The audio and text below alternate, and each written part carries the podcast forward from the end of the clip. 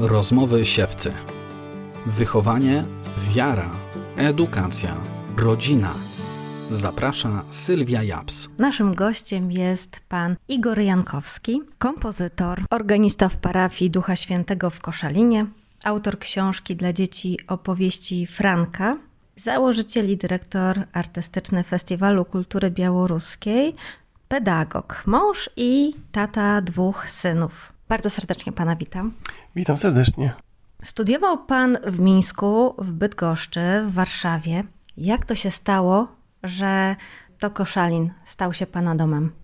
E, wydarzyło się tak, że w roku 2008 e, wziąłem udział w e, takich europejskich spotkaniach młodzieży TZ i akurat wówczas miastem, które przyjęło pielgrzymów z całej Europy nie tylko, była Bruksela.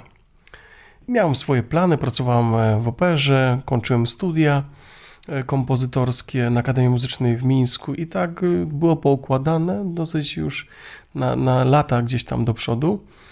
I w Brukseli poznałem dziewczynę z Koszalina. No właśnie przez nią to życie się mi odmieniło i obecnie już e, mieszkam w Polsce. W tym roku było 12 lat. A skąd decyzja, by wystąpić o obywatelstwo polskie? Bo wiem, że w 2015 uzyskał pan takowe. Tak, 9 stycznia właśnie miałem kolejną rocznicę uzyskania obywatelstwa. Z czym to było związane? No, założyliśmy rodzinę e, właśnie z moją mm, Justyną i przedłużanie cały czas pobytu, staranie się o kartę pobytu, mm, to było dosyć uciążliwe. Mm, ten protokół związków takich e, międzynarodowych e, dosyć rygorystyczny, to są przesłuchania, sporządzenie protokołu, konieczny meldunek i chciałem już zamieszkać tu na stałe, to było taką częścią e, naszych planów e, z żoną, dlatego to obywatelstwo byłoby tutaj w tym momencie bardzo pomocne. A po drugie, też mam polskie korzenie gdzieś tam e, w linii pradziadków moich. Dlatego też nie miałem wątpliwości, że chciałbym dalszą część życia związać z Polską. W 2011 roku wydał pan pierwszą płytę autorską. I co to było? Zacząłem od utworów, które nagrywałem jeszcze za czasów studiów na Akademii Muzycznej w Mińsku i wówczas nie miałem jakiejś konkretnej koncepcji. Chciałem się podzielić utworami, które już miałem w swoim dorobku, a więc były to kompozycje głównie awangardowe. Dlatego, że w toku studiów próbowano, żebyśmy posługiwali się środkami muzycznymi właściwymi dla danego no, czasu, epoki, w której się znajdujemy, czyli dla postmodernizmu. Więc e, to były utwory zarówno eksperymentalnie, jak i gdzieś bazujące na już istniejących technikach kompozytorskich, w których jeszcze może tak poszukiwałem swojego miejsca, jakby na, e, w, tej, w tej branży kompozytorskiej. E, I płyta się nazywała A New Size of All Traditions. Próbowałem wówczas nawiązywać do znanych gatunków, na przykład sonaty, suity i tak e, znanych z historii muzyki, ale z takim troszeczkę spojrzeniem bardziej awangardowym. E, I płyta wówczas była wydana właśnie w moim e, mieście, w stolicy w Mińsku, przez wydawnictwo Wigma. Jako kompozytor każdy etap swojego życia wiąże z jakimś doświadczeniem. I o ile tak jak wspominałem, ten pierwszy album był związany z muzyką awangardową, jeszcze jako młody kompozytor poszukiwałem nowych kierunków, jakiegoś takiego swojego miejsca, swojego stylu muzycznego, to kolejne albumy były dla mnie też nowym wyzwaniem. Mm, e, wydałem również album dzięki e, marszałkowi województwa pomorskiego z muzyką tylko churalną, mm, e, Choral Works, E, współpracując z przeróżnymi, naprawdę fantastycznymi zespołami choralnymi w Polsce i za granicą. E, mam też album e, Three Rooms z muzyką tylko fortepianową. Quo Vadis album z muzyką, z taką poezją religijną, poezją śpiewaną. Mam też album z muzyką na Eurowizję. Po prostu kiedyś dorabiałem sobie tym, że pisałem utwory na castingi osób, które chciałyby wziąć udział e, w krajowych eliminacjach na konkurs piosenki Eurowizja. Więc tak pisząc co roku po kilka piosenek, no, stworzył się też album Pasta. Jeszcze wracając do pana utworu Kwowadis, na niej znajduje się 11 utworów. Tak, Kwowadis to, mm, e, to płyta jednocześnie to utwór, który powstał jako pierwszy. Dokąd zmierzasz? To, to jest też jakieś tam moje osobiste przeżycie, e, które miałem jeszcze jako osoba mm, neutralna religijnie e, i mm, nie uczęszczałem, nie, nie miałem żadnych praktyk, nie miałem tego wpojonego przez, przez rodzinę, bo moi rodzice też nie, nie byli związani żadną z konfesji, jakby nie chodzili do, ani do cerkwi, ani do kościoła, więc wówczas e, to, był, to była jeszcze podstawówka, ósma klasa podstawówki, kiedy miałem taki sen, w którym właśnie Pan Jezus, tylko nie wiedziałem, że to jest Pan Jezus, zapytał mnie, dokąd zmierzasz? A to życie było takie nader aktywne i takie nawet czasami ryzykowne. E, lubiłem e, stawiać przed sobą jakieś takie wysokie poprzeczki w różnych e, kierunkach życia i czasami do, dosyć mocno ryzykowałem jako młoda osoba. I te słowa, dokąd zmierzasz, quo vadis, one gdzieś tam głęboko nosiły mnie w sercu i ta płyta, w której wyraziłem te wszystkie swoje jakieś takie przeżywania, e, czasami rozterki, a czasami takie moje credo, moje to, w co wierzę, znalazły się na tym krążku i w ogóle bardzo ciekawa historia, bo wiadomo, że wydać w Polsce płyty to, to jest dość duże przedsięwzięcie, nawet takie logistyczne i finansowe. Zatrudnić muzyków, bo ja nie mogę wszystko jakby naraz i śpiewać i robić mastering, nagrywać, nie mam nawet takiego zaplecza, więc znalazłem muzyków zawodowych, wspaniałych trójmiejskich artystów, którzy się zgodzili stworzyć ze mną tę płytę. E, saksofoniści, e, wokaliści, mm, studio Adama Drywy w Gdyni, Rainbow Studio. Więc myśmy naprawdę to tworzyli z takim wzajemnym jakby porozumieniem. E, I pierwszy utwór, utwór był właśnie Quo Vadis, dokąd zmierzasz.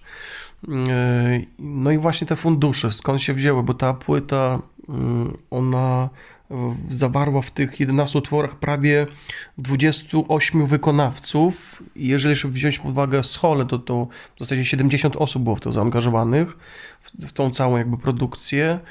Więc pomógł e, taki przyjaciel nasz, e, a w zasadzie bardziej rodziny mojej żony, Mariusz Kaszkowiak z Norwegii. I on udźwignął no, niesamowite koszty związane z tą płytą prawie 50 tysięcy ten album wyniósł i, i tutaj jestem dozgodnie wdzięczny tej osobie i to był taki mój no, pierwszy w pełni profesjonalny album, oficjalnie wydany w Polsce przez taką sopocką wytwórnię Soliton. Można w nim usłyszeć takie słowa bez uczynków każda wiara nic nie warta jest.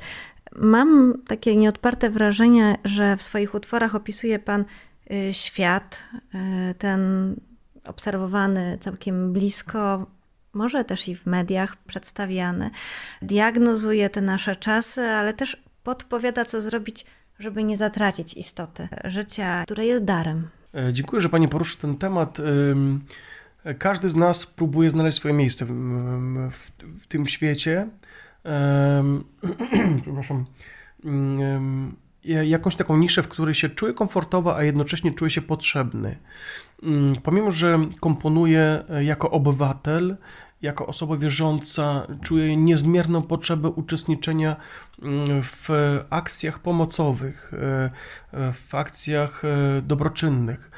Ale mm, też niektórzy mówią, że mam w sobie taki dar, żeby zapalać innych, możnych tego świata, do dzielenia się.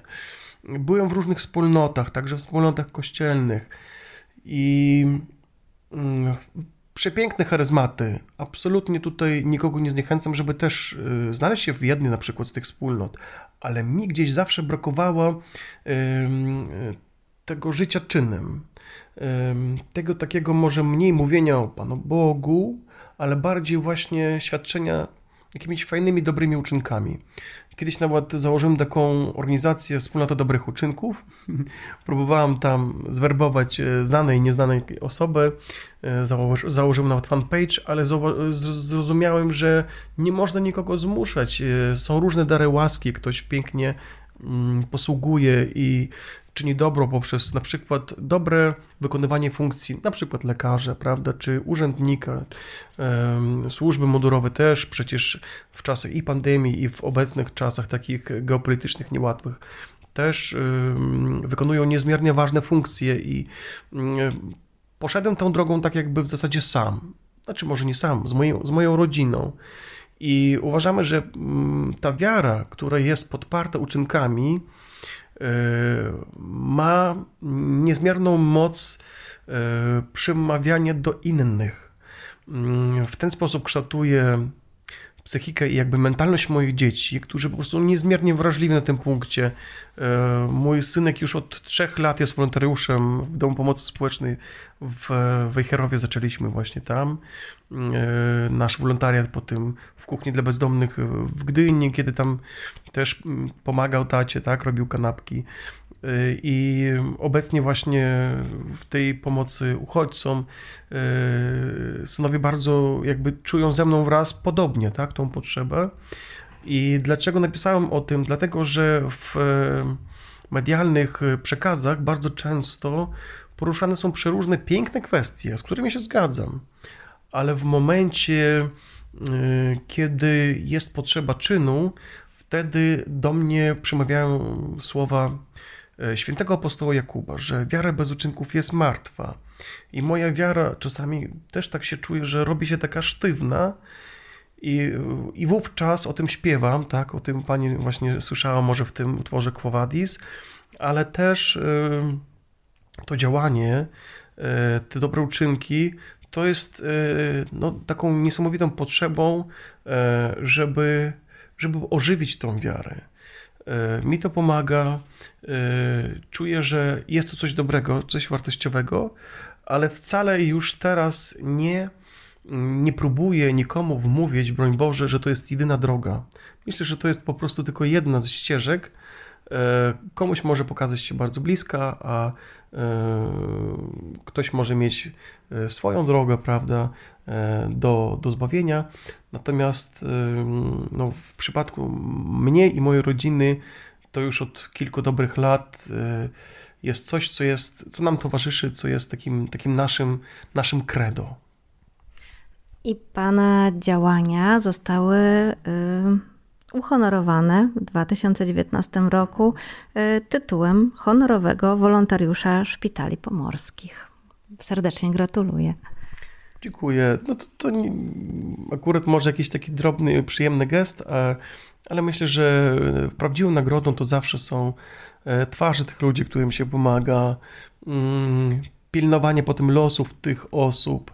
Bardzo ważnym mm, i takim dla mnie jest sygnałem, kiedy człowiek potrafi pożegnać się z bezdomnością, kiedy daje się mu wędkę jest w stanie sam zarobić na chleb, zmobilizować się, żeby wyjść z różnych nałogów, bo często właśnie mieszkanie na ulicy wiąże się też niestety z uzależnieniem od różnych, powiedzmy, mm, złych rzeczy. E, więc to jest prawdziwą nagrodą. Ja aż nawet o tej nagrodzie nie pamiętam, gdzieś pani wyczytała, e, ale prawdziwą nagrodą dla każdego wolontariusza to zawsze jest e, szczęście podopiecznego, kiedy mu się powodzi, kiedy on się usamodzielnia i już nie wymaga opieki. A teraz przed Panem ogromne wyzwanie i bardzo ważne wydarzenie, ponieważ w grudniu zeszłego roku zakończył Pan pracę nad y, kantatą Dekalog do słów Małgorzaty Bożeszkowskiej. To dzieło jest rozważaniem dziesięciu przykazań Bożych, do których w swojej homilii odniósł się ojciec święty Jan Paweł II podczas czwartej wizyty w Polsce, a pierwszej tu w Koszalinie 1 czerwca 1991 roku.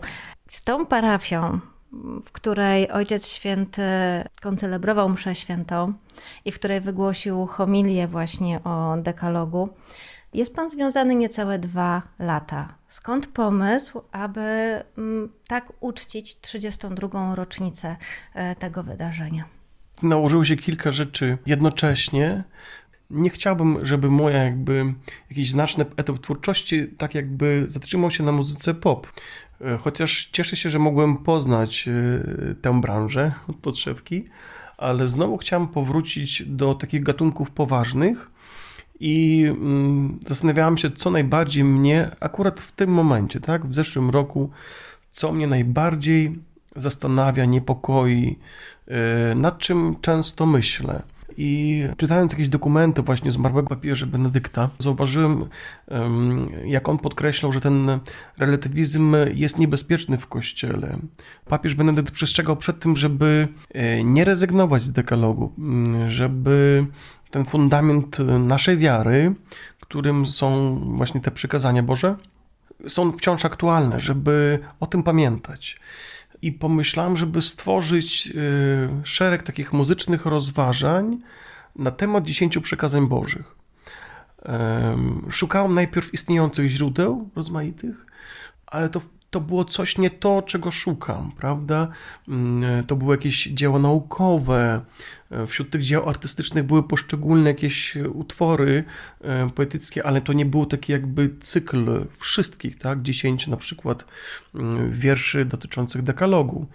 I poprosiłem taką kaszubską poetkę, Małgorzatę Bożeszkowską, i pani Małgorzata zgodziła się stworzyć specjalnie do tego projektu od nowa zupełnie e, wiersze e, na temat tych dziesięciu przykazań. W taki sposób awangardowy, taki niekonwencjonalny i czasami nawet taki mm, no, takie prowokacje w tych, e, takie dosadne czasami gdzieś tam konkluzje zawierają się w tych wierszach, ale założenie było takie, żeby mm, coś wzbudzić w człowieku, żeby nikt nie pozostał obojętny więc jak dzieliłem się jakimiś fragmentami wierszy z moimi kolegami, to mówili, ale one są takie czasami ostre, czasami takie gdzieś tam dokuczają, ktoś może odebrać to personalnie.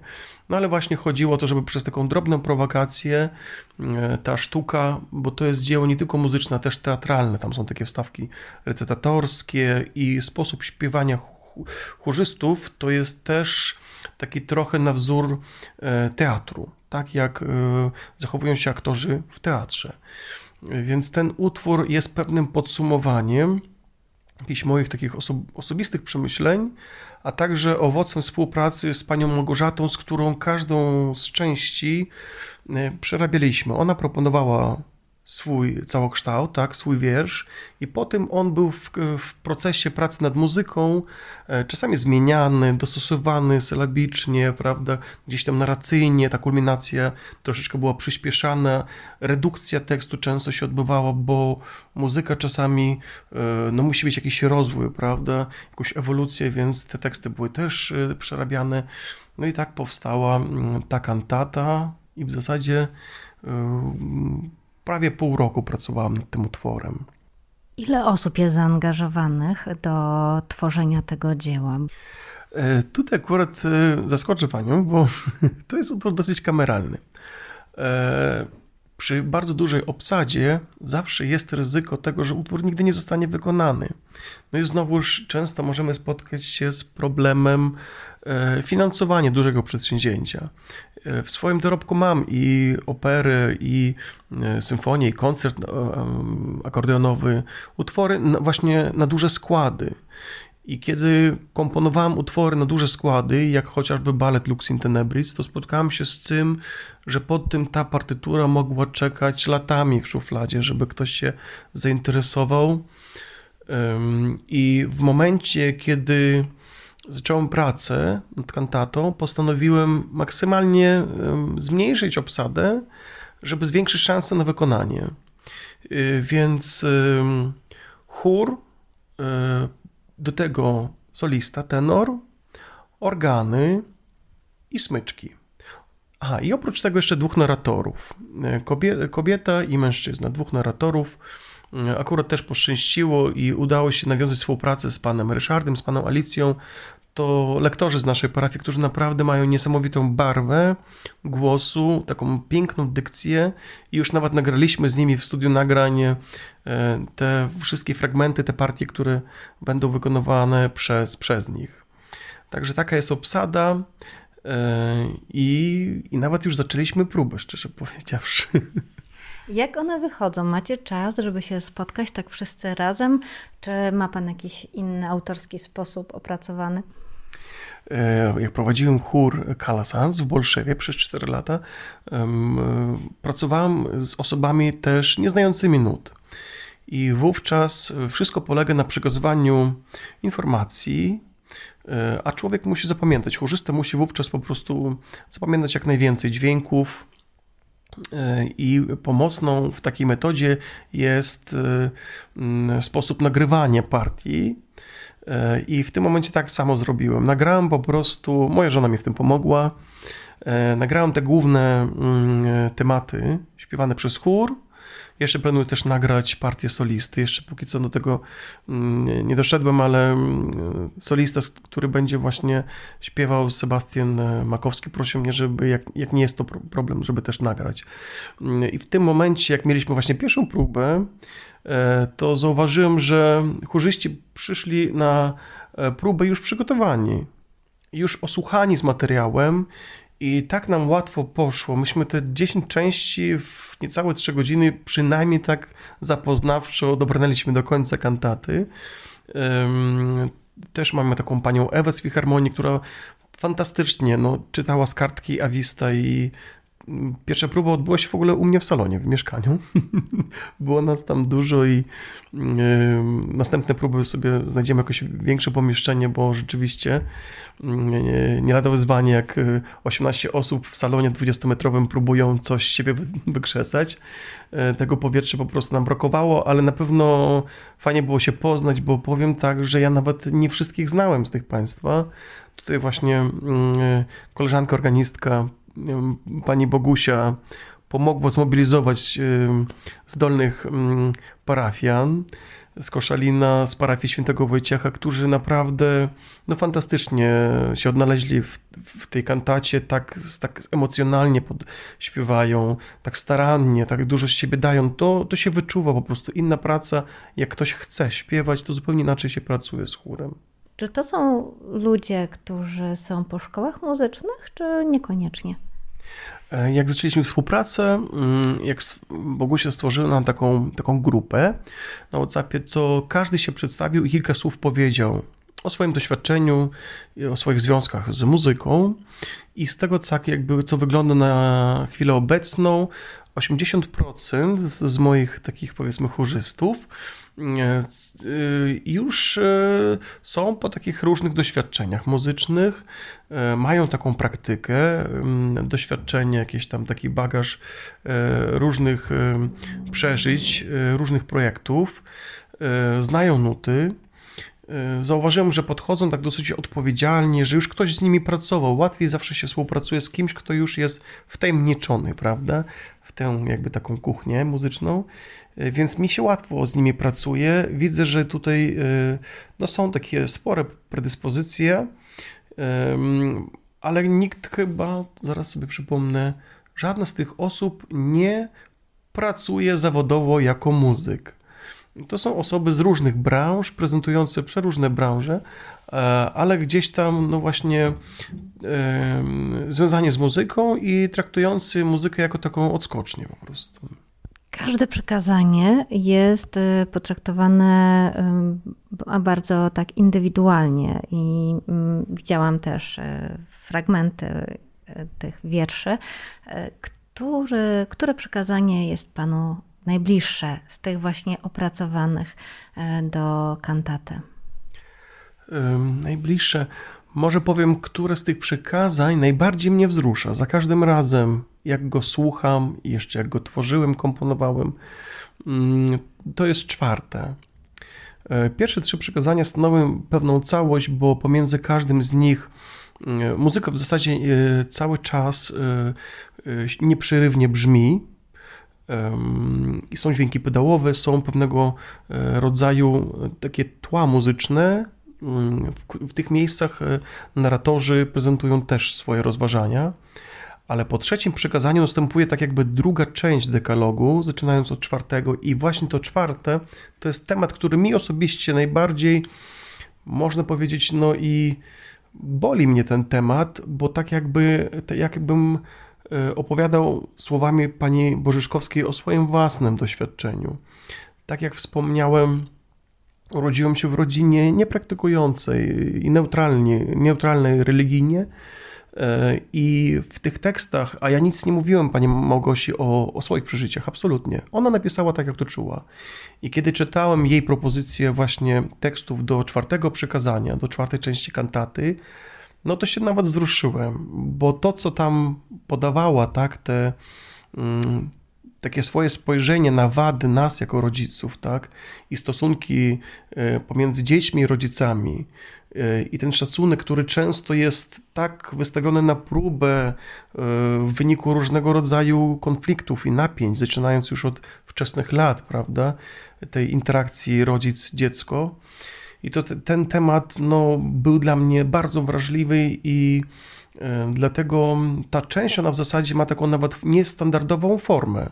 Bo na początku tak jakby jest forma e, zwrotkowa, potem nagle zmieni się metrum, tempo e, i zupełnie też faktura wchodzi inna, tak jakby się nagle coś kończyło i zaczynała się taka, taka muzyka refleksyjna, E, z takimi wnioskami, już podsumowaniem tego, co było wcześniej powiedziane.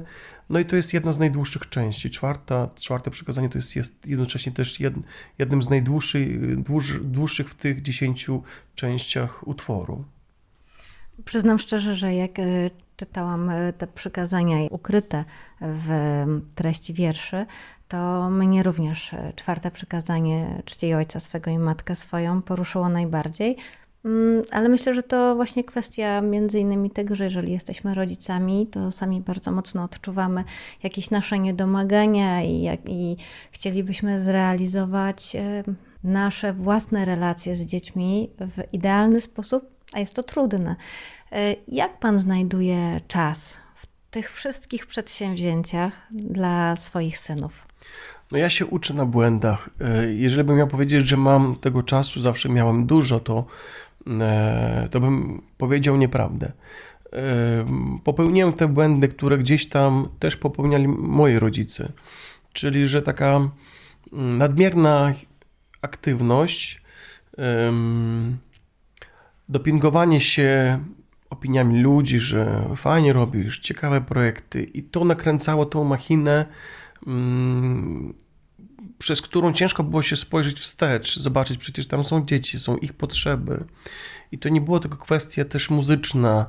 Mm, jestem taką osobą gdzieś tam, e, która rzuca się z chłodnego do gorącego, po prostu e, poświęcam się całkowicie jakiejś idei. Ostatnio nawet przez kilkanaście miesięcy towarzyszyła mi idea wolontariatu i idea uchodźców. Też praktycznie nie było mnie w domu, bo trzeba było ratować te rodziny, działać na wielu szczeblach, żeby jak najwięcej rodzin znalazło schronienie. W Polsce, tutaj przede wszystkim też w Koszalinie.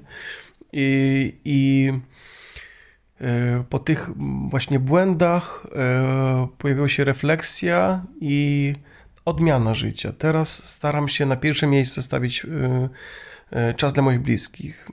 Stwierdziłem dla siebie, że ten człowiek, który ma czas dla bliskich, jest najbardziej bogatym człowiekiem, bo w naszych czasach to bogactwem jest czas, nie pieniądz, właśnie czas. I kiedy widzę uśmiech na twarzach dzieciaczków, e, kiedy mówią, że tatuś, kocham cię, i, i widzę takie relacje w nas, pomiędzy nami, których nie miałem w swoim dzieciństwie, więc sobie e, czasami mówię, chyba jestem na dobrej drodze, bo na przykład ja tego nie miałem, a moje dzieci już to mają, tak? Ja takie relacje nie mogłem na taką relację liczyć z rodzicami, a z moimi synami już mam jakby tą więź, i będę się starał, e, żeby już taką hierarchię zachować, bo mm, zbyt długo mm, omijałem ten temat i mam nadzieję, że uda mi się zachować równowagę e, i te priorytety, które już sobie wyznaczyłem. Kiedy trwała próba, chłopcy byli w czasie, w czasie tej próby? Tak, tak, tak. Właśnie wczoraj, wczoraj biegali, tylko że było mało miejsca. Nawet naprawdę nie było nawet gdzie wczoraj stać. Praktycznie nie tyle co siedzieć. A jak wszyscy już y, y, wyszli po mm, ukończeniu próby, to mój starszy synek, który dzisiaj właśnie kończy 8 lat, Fryderyk, y, jednym paluszkiem na klawiszach próbował sobie przygrywać mm, piąte przykazanie, bo mu jakoś tam wpadło do pamięci i tak ze słuchu. Oni w ogóle bardzo lubią, jak przychodzą do nas gości i ta próba była nieprzypadkowa w domu, Chciałam lepiej wszystkich poznać w jakimś takim węższym gronie, bo tak jak mówiłem wcześniej, nie, nie, nie znam tych, tych ludzi. Bogusia mnie tak zapoznała wirtualnie, stworzyła grupę e, taką naszą internetową, ale wczoraj się właśnie poznaliśmy. A poza tym chciałam też, żeby e, jakiś taki takie bogactwo powędrowało w stronę moich dzieci, bo ja uważam, że każda relacja wzbogaca.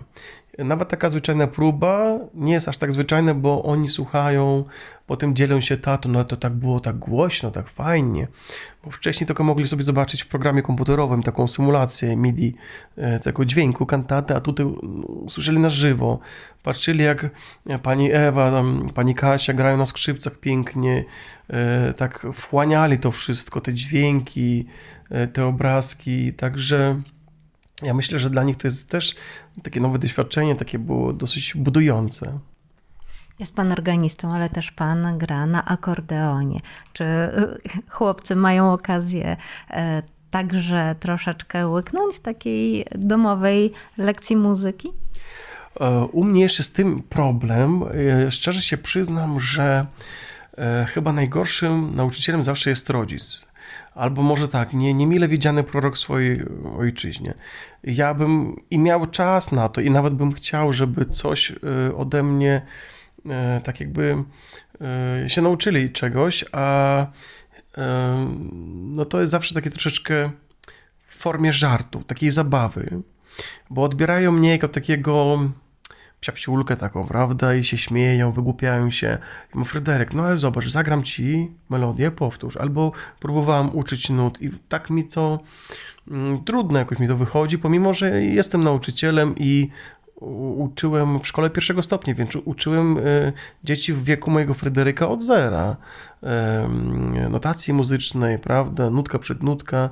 Y, I to to były takie proste e, zjawiska. Myślałam, że nam będzie łatwiej, ale czasami widzę, że jak przyjdzie moja mama, czyli babcia Fryderyka, tak, albo ktoś z znajomych i pokaże, e, ostatnio taka pani Maria z Bydgoszczy pokazała e, prostą piosenkę o kotku i widzę, że Fryderyk już to łapie, a jakbym ja mu tu pokazał, to jest na zasadzie po prostu takiego no, takiej zabawy, nie odbiera tego poważnie, więc w, tej, w, jakby w tym kierunku dużych osiągnięć nie mam. Chciałbym się pochwalić, ale po prostu akordeon stoi, jak, jak Fryderyk go bierze, no to też właśnie e, jakoś tam klastery gra.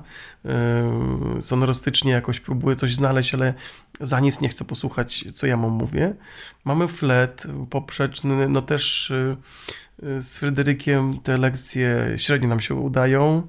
E, próbowałem kilka kolęd nauczyć, no to też e, opornie, opornie to idzie, ale na pewno mm, jakby to była jakaś inna osoba spoza rodziny, to myślę, żeby inaczej zupełnie ta relacja się wystroiła i jakieś efekty by były no, e, większe niż teraz. No.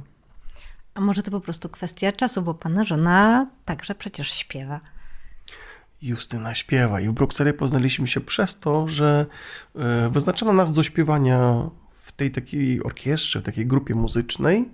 E, śpiewaliśmy też w czasie mszy świętych, e, psalmy na dwa głosy i ma cudowną, cudowną barwę, niespotykaną barwę, bardzo delikatną, z takim naturalnym vibrato, z tym, że żona, no znowuż, ja lubię słuchać, jak ona śpiewa tak spontanicznie, gdzieś na kuchni, coś robiąc, e, sprzątając, a w momencie, kiedy siadamy przed partyturą i, i mówię tak, a nie inaczej, ten dźwięk, a nie ten, to jakby się zniechęca szybko. Zniechęca się i jak nagrywaliśmy tą płytę e, Quo Vadis, to też yy, wolała improwizować. Ciężko było przekonać mi ją do takiego zaśpiewania zgodnie z, z zapisem nutowym. Więc jeszcze muszę rozgryźć jakby w czym tkwi tutaj mm, no ten o, o, orzech, tak? Trudny dla mnie, trudny do zgryzienia, bo ludzie mogą kochać muzykę, ale w momencie, kiedy czują, że ktoś stawia konkretne granice, to się gdzieś tam zrażają, a często zniechęcają, albo w ogóle e, wolą tak dać się ponieść tej, tej muzyce, prawda? Nie, nie być ograniczonymi w jakimś tam e, w ramkach e, nut, partytury jakiejś, prawda, konkretnej. Więc moja żona jest zdolna, ale też, żeby wykrzesać z niej jakiś fajny materiał muzyczny, to nie lada wyzwanie i czasami to po prostu muszę prosić y, babcie, znajomych, żeby przekonali, żeby napisali do niej smsy czy zadzwonili, bo ja po prostu no, czasami no, jestem bezradny w tej materii. Rzeczywiście, chyba najtrudniej jest być nauczycielem we własnym domu. Tak, dokładnie. Kiedy możemy się spodziewać jakiegoś pierwszego koncertu? Koncerty są zaplanowane y, na czerwiec. I myślałem nad tym, żeby wystawić w takich y, miejscach, gdzie no będzie publiczność, która chce przyjść, chce wysłuchać. E, zaproponowałem już swojemu proboszczowi, rzuciłem temat, na razie jeszcze czekam na odpowiedź, ale wiem, że na pewno e, zrobimy koncert w parafii świętego Wojciecha, chociażby w geście wdzięczności za to, że proboszcz wyraził e, poparcie do tego projektu, do tego, żeby zezwolenie, żebyśmy mogli spotykać w jednej z salek przy parafii. Mm, także mm, jeszcze zaplanowany jest koncert w katedrze. Już wstępnie rozmawiałem z organistą miejsca e, i z mm, dyrektorem diecezjalnej szkoły organowej też w sprawie premiery tej kantaty. Jeszcze też myślę o konkatedrze w Kołobrzegu i w kilku kościołach w Białogardzie. Także początki tych już występów planowane są na czerwiec, zaczynając od 3 czerwca, od soboty. Mm, I myślałam, żeby robić to sukcesywnie. Jak się uda gdzieś, ktoś nas zaprosi, komuś się spodoba ten projekt, to my oczywiście postaramy się sprostać tym wymaganiom, wziąć udział, zaprezentować ten utwór w innych miejscach, w innych parafiach i może nawet nie tylko w Koszalinie, może gdzieś w Szczecinie, prawda, może nawet w innej diecezji. Um, a traktować chcemy to i mm, jako przede wszystkim taką ewangelizację, jako dzielenie się tym, z czymś się każdy, mam nadzieję, z tych chórzystów tak jakby y, identyfikuje. Y, I mm, chcę zacząć właśnie w czerwcu, ale myślę, że to będzie y, coś, co będziemy starać się, no, tych kilka koncertów każdego roku, jak już się nauczymy oczywiście tego utworu, ukazać w różnych, w różnych miejscach. A czy jest szansa na jakąś płytę? Tak, e, myślę o tym, bo szkoda by było tak dużo poświęcić na taki projekt i wszystko pozostawić tylko w, jakby w tym wybrzmieniu prawda, koncertowym. Już część materiału mamy nagrane. W zeszłym roku udało mi się we współpracy z panem Jackiem i Crazy Records e, nagrać 10 e, wierszy pani Małgorzaty. To, co będzie czytane przez narratorów. E, myślę o tym, żeby też nagrać część instrumentalną i jak już zrobimy taki wstępny e, miks tego materiału, do tego dograć wszystkie wokale.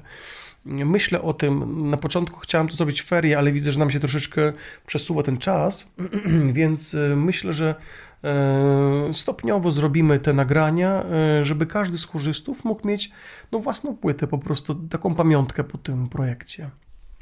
Jest Pan laureatem i zwycięzcą wielu konkursów muzycznych, także między innymi na hejnał miasta y, Bobolice. Ma Pan y, ogromne osiągnięcia i jest Pan także, można powiedzieć, takim promotorem młodych y, muzyków. Pomagał Pan im przyjeżdżać tutaj na festiwale organowe, między innymi w Koszalinie. To się zaczęło lata temu.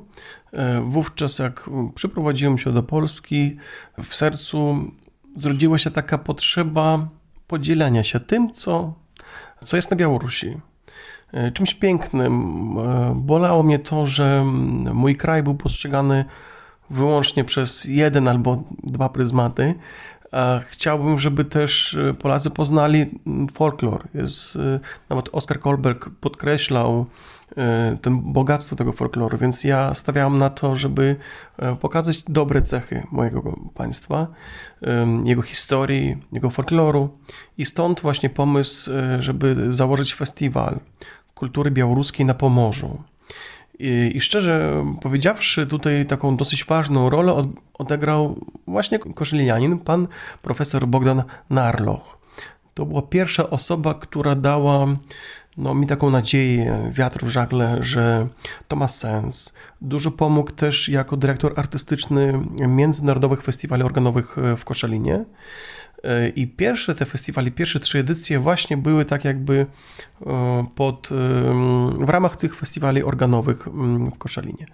E, także tak się to rozpoczęło.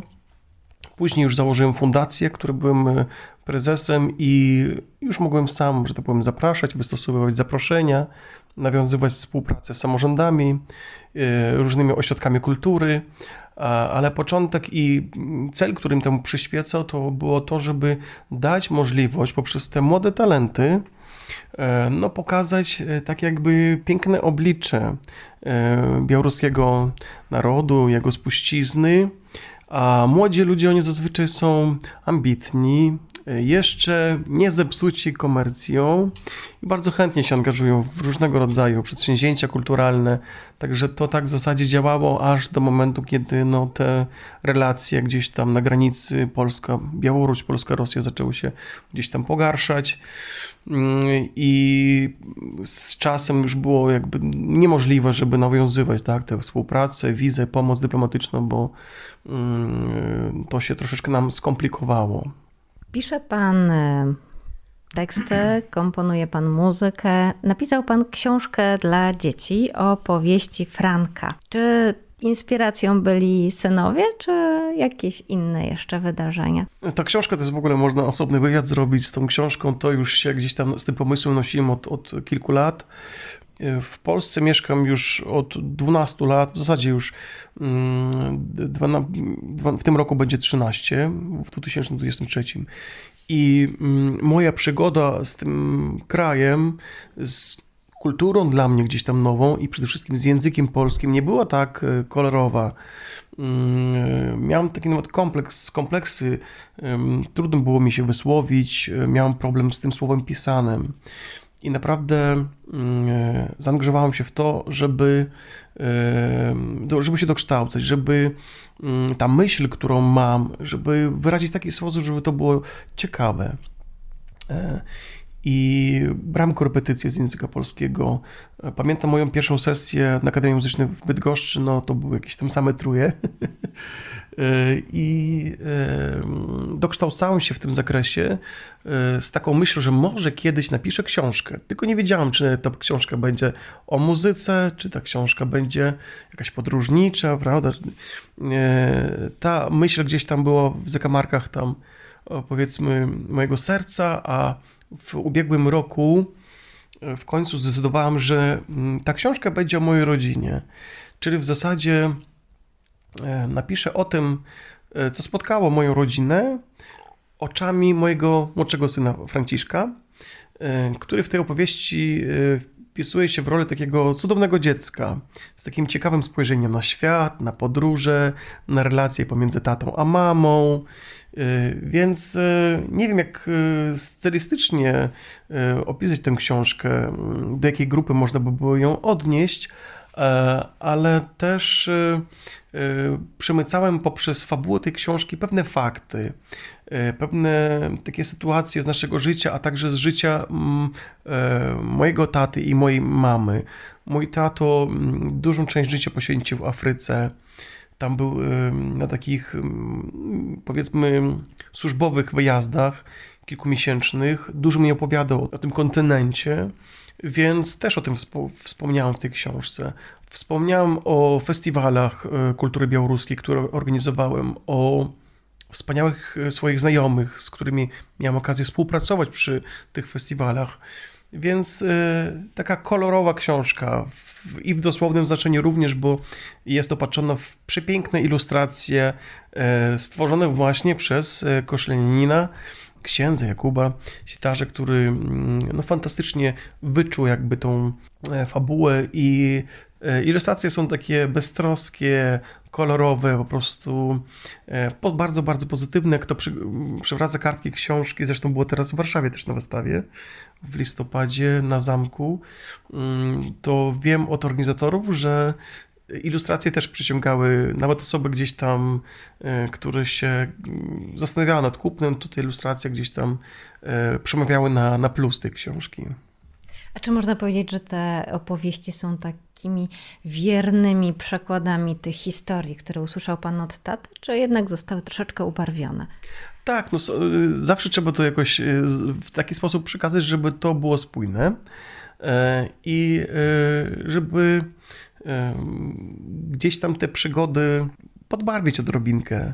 E, na pewno mm, mają tam miejsce sytuacje, które rzeczywiście się odbyły, prawda, które, na których bazowałem, tak.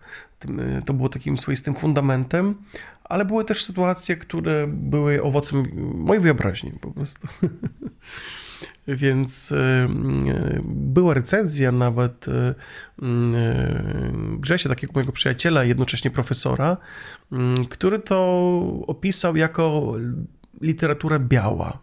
To jest takie dosyć e, ciekawe pojęcie, które przywędrowało do Polski ze Szkocji i jest związane z literaturą piękną, podróżniczą, która w postaci tak jakby bajek, historii, historyjek e, przemyca ciekawe fakty przyrodnicze, e, tak jest też z, z zakresu nauk ścisłych, więc e, to też ma jakiś owoc, e, pewien cel dydaktyczny, tak jakby. Czyli jeżeli rodzice chcą, e, aby dziecko troszeczkę dowiedziało się różnych informacji z zakresu geografii, historii, to właśnie w tej książce mają szansę je przemycić. Tak, tam są przeróżne fakty i o konkursach chopinowskich, i czy w Afryce jest śnieg, mm, e, i takie pewnego rodzaju stereotypy, które gdzieś tam yy, są nieznane, zwłaszcza dzieciom. A czytając tę książkę, można się dowiedzieć właśnie o tych geograficznych ciekawostkach, a także o takich ciekawostkach po prostu z mojego życia, jak komponuję muzykę, jaką muzykę komponuję, jak jest odbierana przez młodsze pokolenie, przez osoby starsze i tak dalej. Czyli jest pan jednym z bohaterów? E, no nie da się ukryć, że pisząc książkę, no trudno mi było zupełnie się zdystansować tak, żeby tam e, nie było e, czegoś z mojego życia, z, z moich przemyśleń, ale postanowiłem, żeby to było, przyjęło taką formę opowieści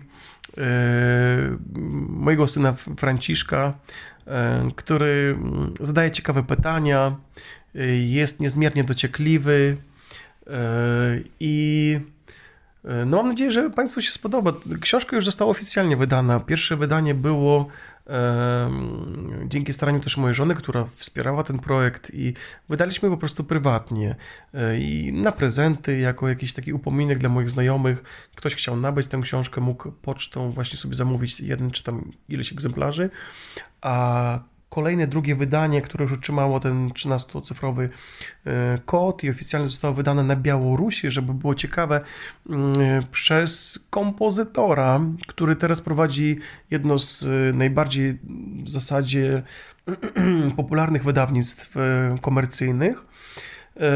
Aleksander Bućko, który kończył również kompozycję profesora Smorskiego, u którego ja też studiowałem na Białoruskiej Państwowej Akademii Muzycznej. I od lat e, Aleksandr właśnie ma e, wydawnictwo, które wydaje no, przeróżne pozycje książkowe. E, obecnie tłumaczy tę książkę na język angielski i białoruski. No proszę, czyli będzie można ją przeczytać w różnych miejscach na świecie. Bardzo serdecznie dziękuję za rozmowę i życzę sukcesu w przygotowaniu do koncertu kantaty Dekalog. Dziękuję również i pozdrawiam. Rozmowy siewcy dostępne są na naszym portalu siewca.pl oraz w serwisie Spotify.